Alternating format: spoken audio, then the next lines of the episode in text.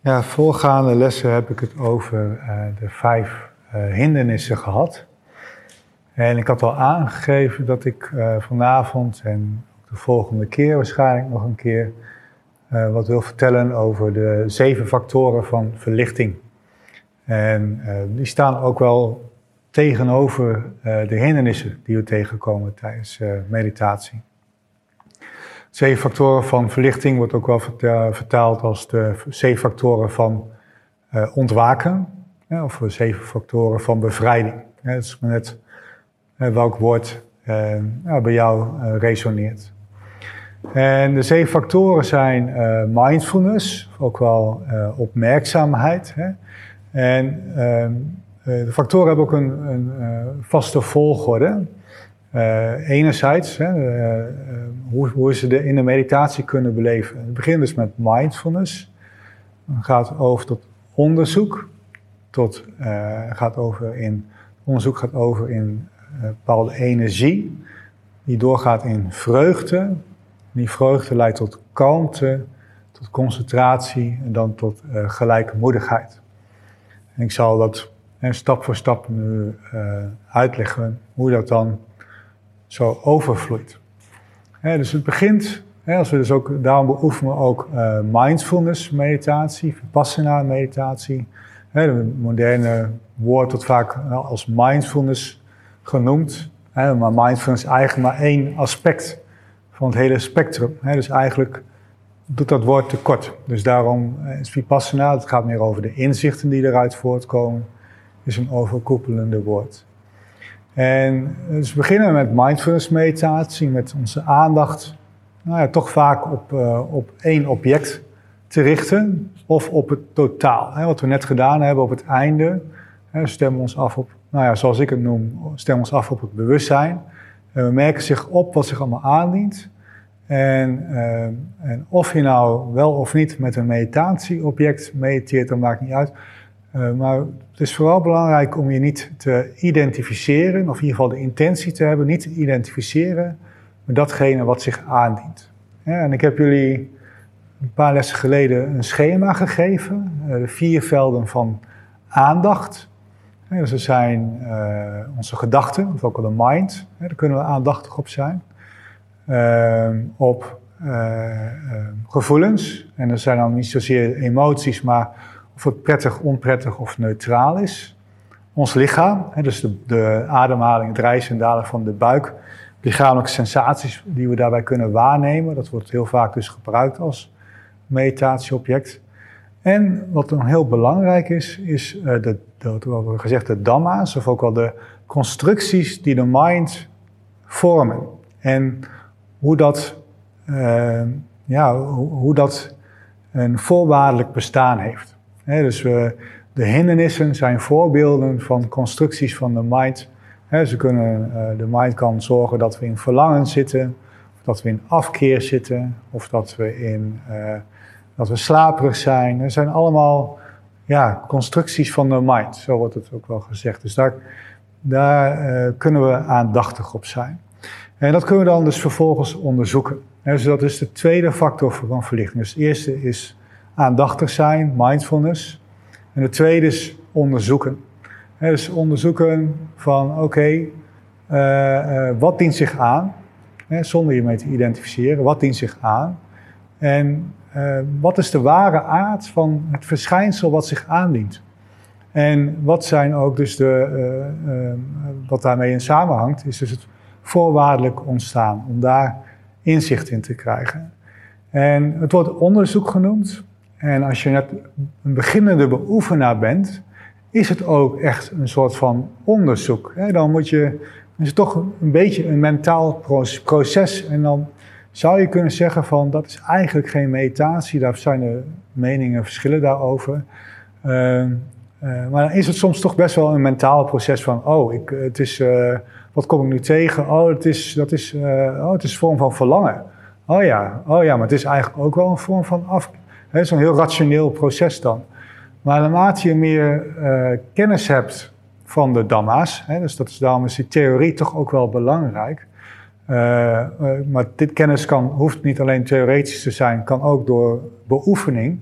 Dus als je een gevorderde meditatiebeoefenaar bent, dan is het niet zozeer meer een mentaal proces, maar dan zou je het beschouwen kunnen noemen.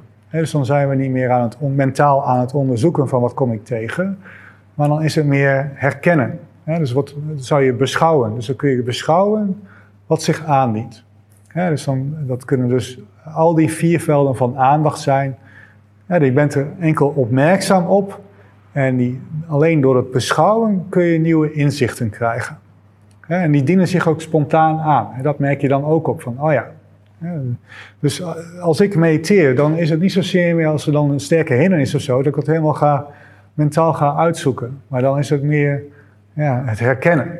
En soms zit ik er helemaal in verstrikt. Hè, hetgeen wat zich aandient, zit ik in het verhaal, ben ik ermee geïdentificeerd. Totdat een moment er is van dat ik dat opmerk. Hè, dus opmerken, daar begint het mee.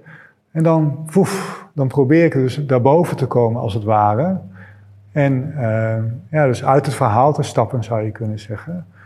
En te herkennen ja, wat de voorwaarden zijn van het bestaan van het fenomeen wat zich aandient. Dus dat geeft inzicht. En uh, uh, vervolgens, door dat onderzoeken, ontstaat er een vorm van energie. dus daarom, je wordt ook al gezegd, je hebt drie passieve vormen van, bij de zeefactoren van verlichting drie actieve vormen en één neutrale. Een neutrale is mindfulness, de eerste dus.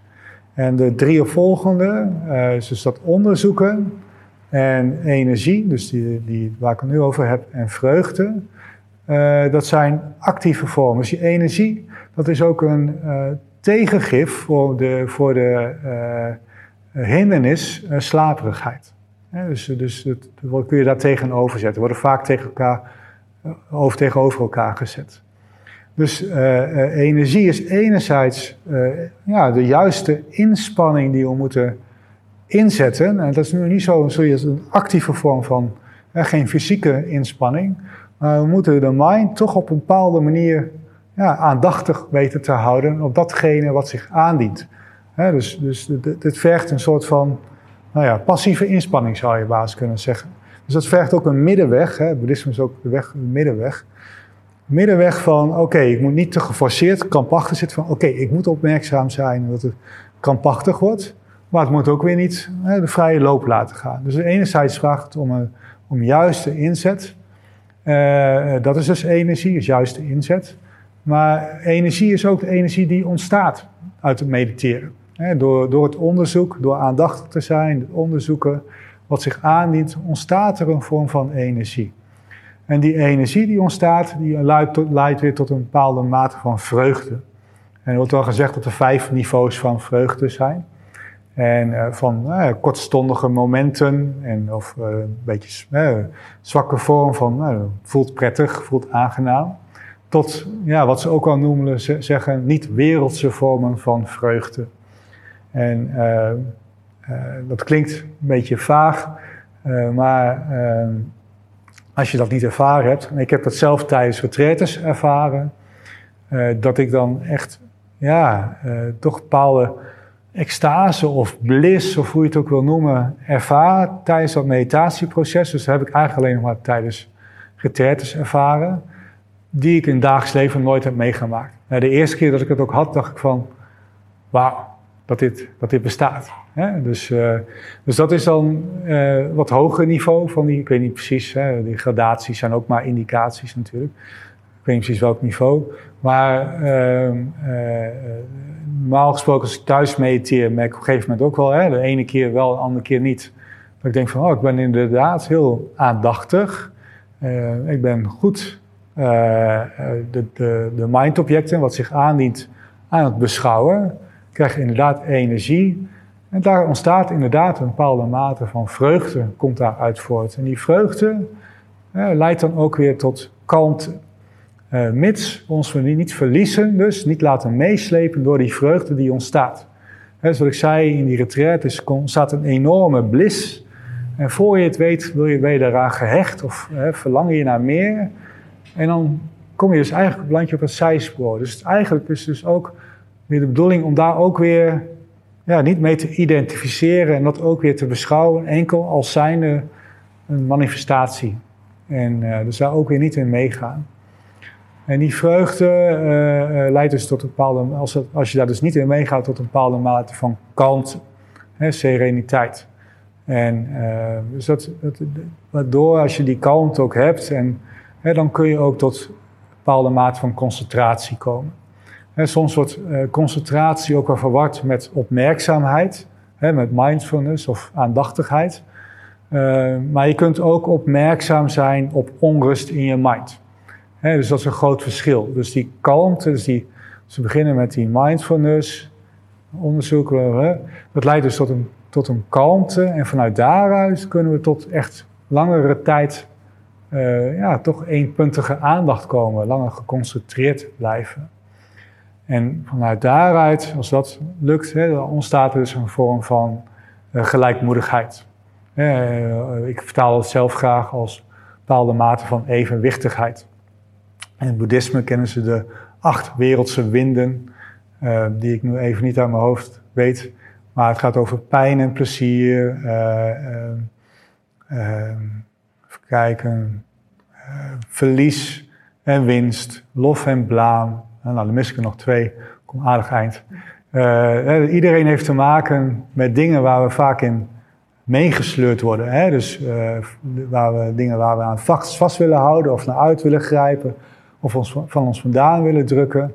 Maar als we tot die gelijkmoedigheid komen, dan kunnen we daar eh, stabiel in blijven, in balans blijven, evenwichtig zijn. dus eh, zo, zo werkt dat meditatieproces. en uh, enerzijds is dat dus opvolgend zo. Hè? Dus in de retraite zeker merk ik ook als ik langer zit, dat ik die stadia ook op, in die volgorde inderdaad doorloop. Anderzijds zijn het dus ook losstaande kwaliteiten die bevorderlijk zijn om tot ontwaken te komen of uh, bevorderlijk zijn om uh, meer wakker te leven. Uh, dus, ook, dus, kun je het ook zeggen. mijn persoonlijk streven is niet om tot een volledig ontwaken te komen. Mijn persoonlijk streven is om zoveel mogelijk wakker te zijn. En zoveel mogelijk momenten hebben om niet geïdentificeerd te zijn. En ja, uh, niet gevangen in uh, voorkeur en afkeer, hè, daar niet door laten meeslepen, maar ja, zo moeiteloos, moeiteloos mogelijk uh, te leven. Ja. En ja, al die, die zeven factoren die dragen daarin bij, in tegenstelling tot die hindernis. Dus het is ook goed te weten van wanneer de hindernissen aanwezig zijn of wanneer die factoren van verlichting aanwezig zijn, of dus juist afwezig. En wat maakt dat ze wel of niet aanwezig zijn. Dus dan kunnen we daar ook ja, onze mind toe in uh, bijsturen. Dus, ja. Uh, ja, de volgende keer, ik denk dat ik één of twee uh, aspecten van die factoren van ontwaken nader ga toelichten. Maar dat moet ik nog even bekijken,